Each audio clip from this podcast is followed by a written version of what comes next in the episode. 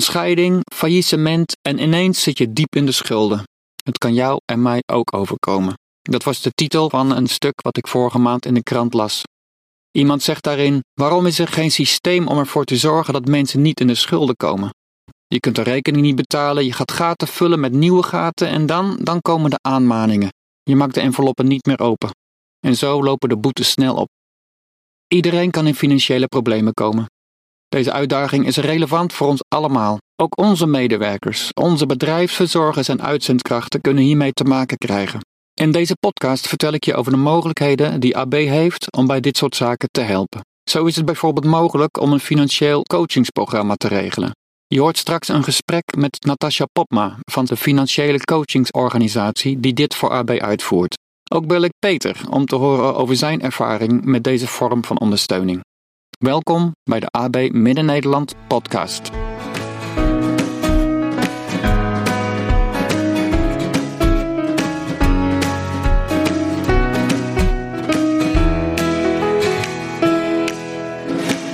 Iedereen is zelf verantwoordelijk voor de eigen portemonnee. Maar werkgevers merken het wel als een werknemer in de problemen raakt. Denk bijvoorbeeld aan oplopend verzuim, lagere productiviteit, afhandeling van loonbeslagen en dergelijke. Door het bieden van ondersteuning aan medewerkers met financiële problemen wil AB zorgen voor het verhogen van de productie of het beter functioneren van werknemers, de terugloop van ziekteverzuim, het vergroten van duurzame inzetbaarheid, dat mensen op lange termijn goed en met plezier kunnen blijven werken, het uitvoeren van beleid maatschappelijk ondernemen en het voorkomen van extra kosten door loonbeslagen en begeleiden van werknemers.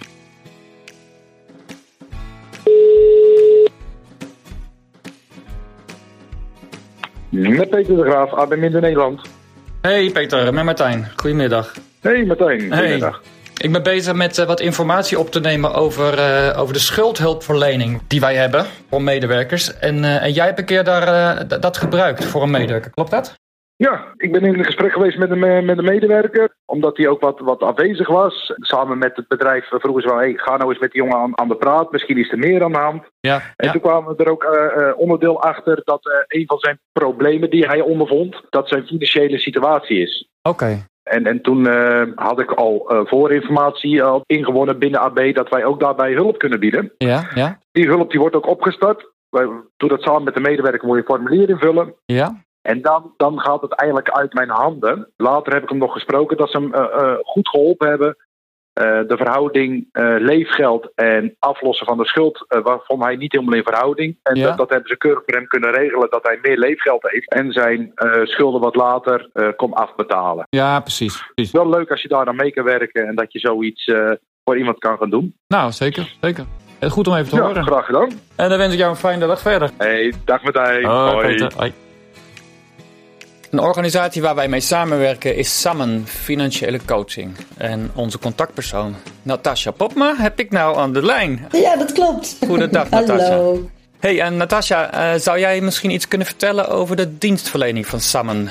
Zeker. Uh, wij worden ingezet door werkgevers of een sociaal fonds of een personeelsfonds.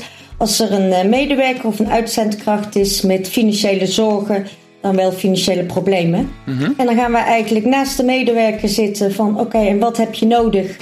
Um, welk probleem wil je oplossen en hoe kunnen we jou daarbij helpen? En wat je zelf kan, vooral blijven doen. Mhm. En daar waar we je bij kunnen helpen, dat doen we. We blijven ook niet tot iemand uh, de schulden helemaal zelf heeft opgelost. Maar we blijven totdat iemand zelf weer de regie in handen heeft en zelf uh, weer in controle is en het uh, zelf op elkaar kan krijgen. Dus dat kan betekenen dat we helpen bij het uh, zelf treffen van betalingsregelingen die iemand na kan komen.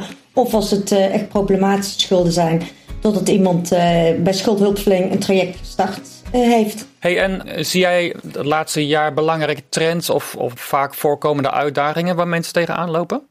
Nou, wat ik vooral zie is dat um, het zelden over geld gaat. Dat er zoveel meer problemen zijn. Aha. Dus er komen steeds meer problemen mee en dan is geld één van de problemen. Ja. En dan is het vaak heel erg lastig hey, uit die muur die er tegenover iemand staat op zijn weg. Welke steen haal je er als eerste uit? Omdat financiën vaak een uh, belemmering zijn voor bijvoorbeeld psychologische Mhm. hulp of medische hulp. Beginnen we vaak met uh, het geld aan te pakken, want daar kunnen we vaak heel praktisch wat doen.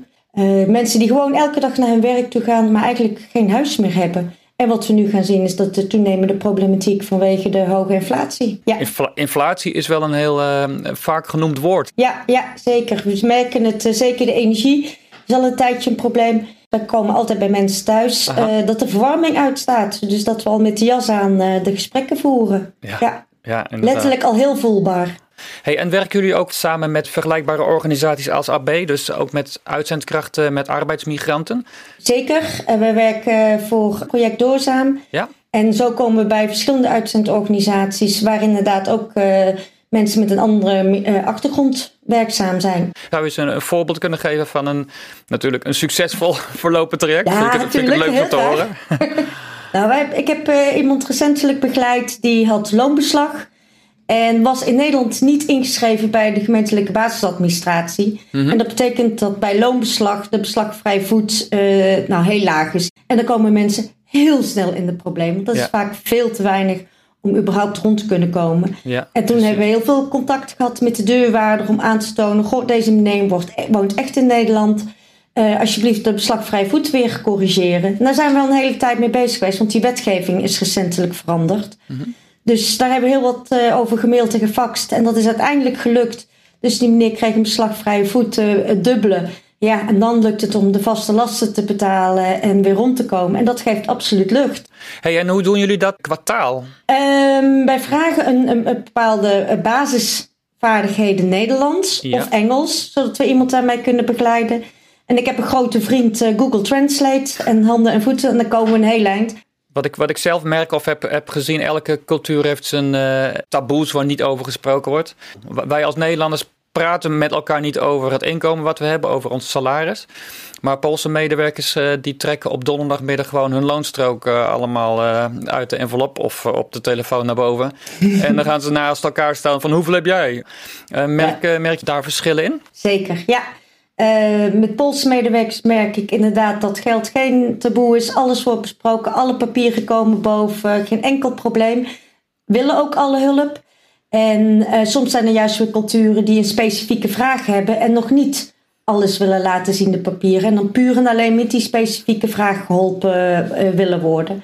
Ja, en dat is wat we dan ook doen. En um, Natasja, al een beetje afrondend, wat zou jij ons kunnen adviseren als het gaat om het bespreekbaar maken van financiële problemen? Um, maar ik zou zeggen, steek hem altijd in vanuit zorg.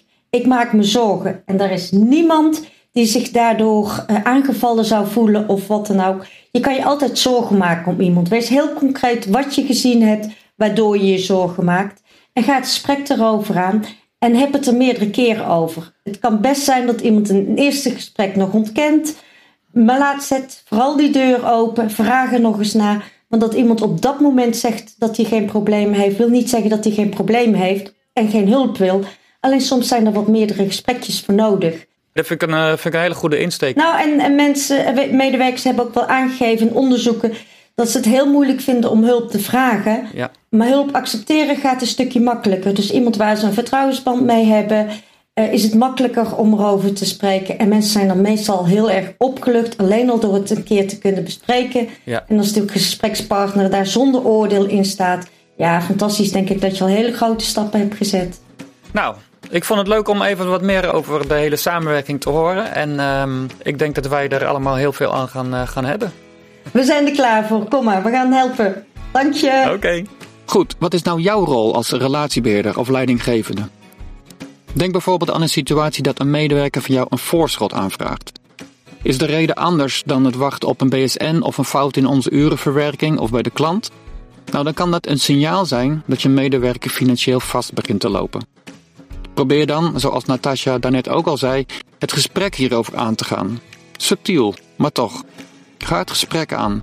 Wijs de medewerker bijvoorbeeld op de mogelijkheden voor dit coachingstraject. Als je een medewerker wilt aanmelden voor dit hulpaanbod, neem dan contact op met Marga bij de afdeling HR. Dank je voor je aandacht en een fijne dag verder.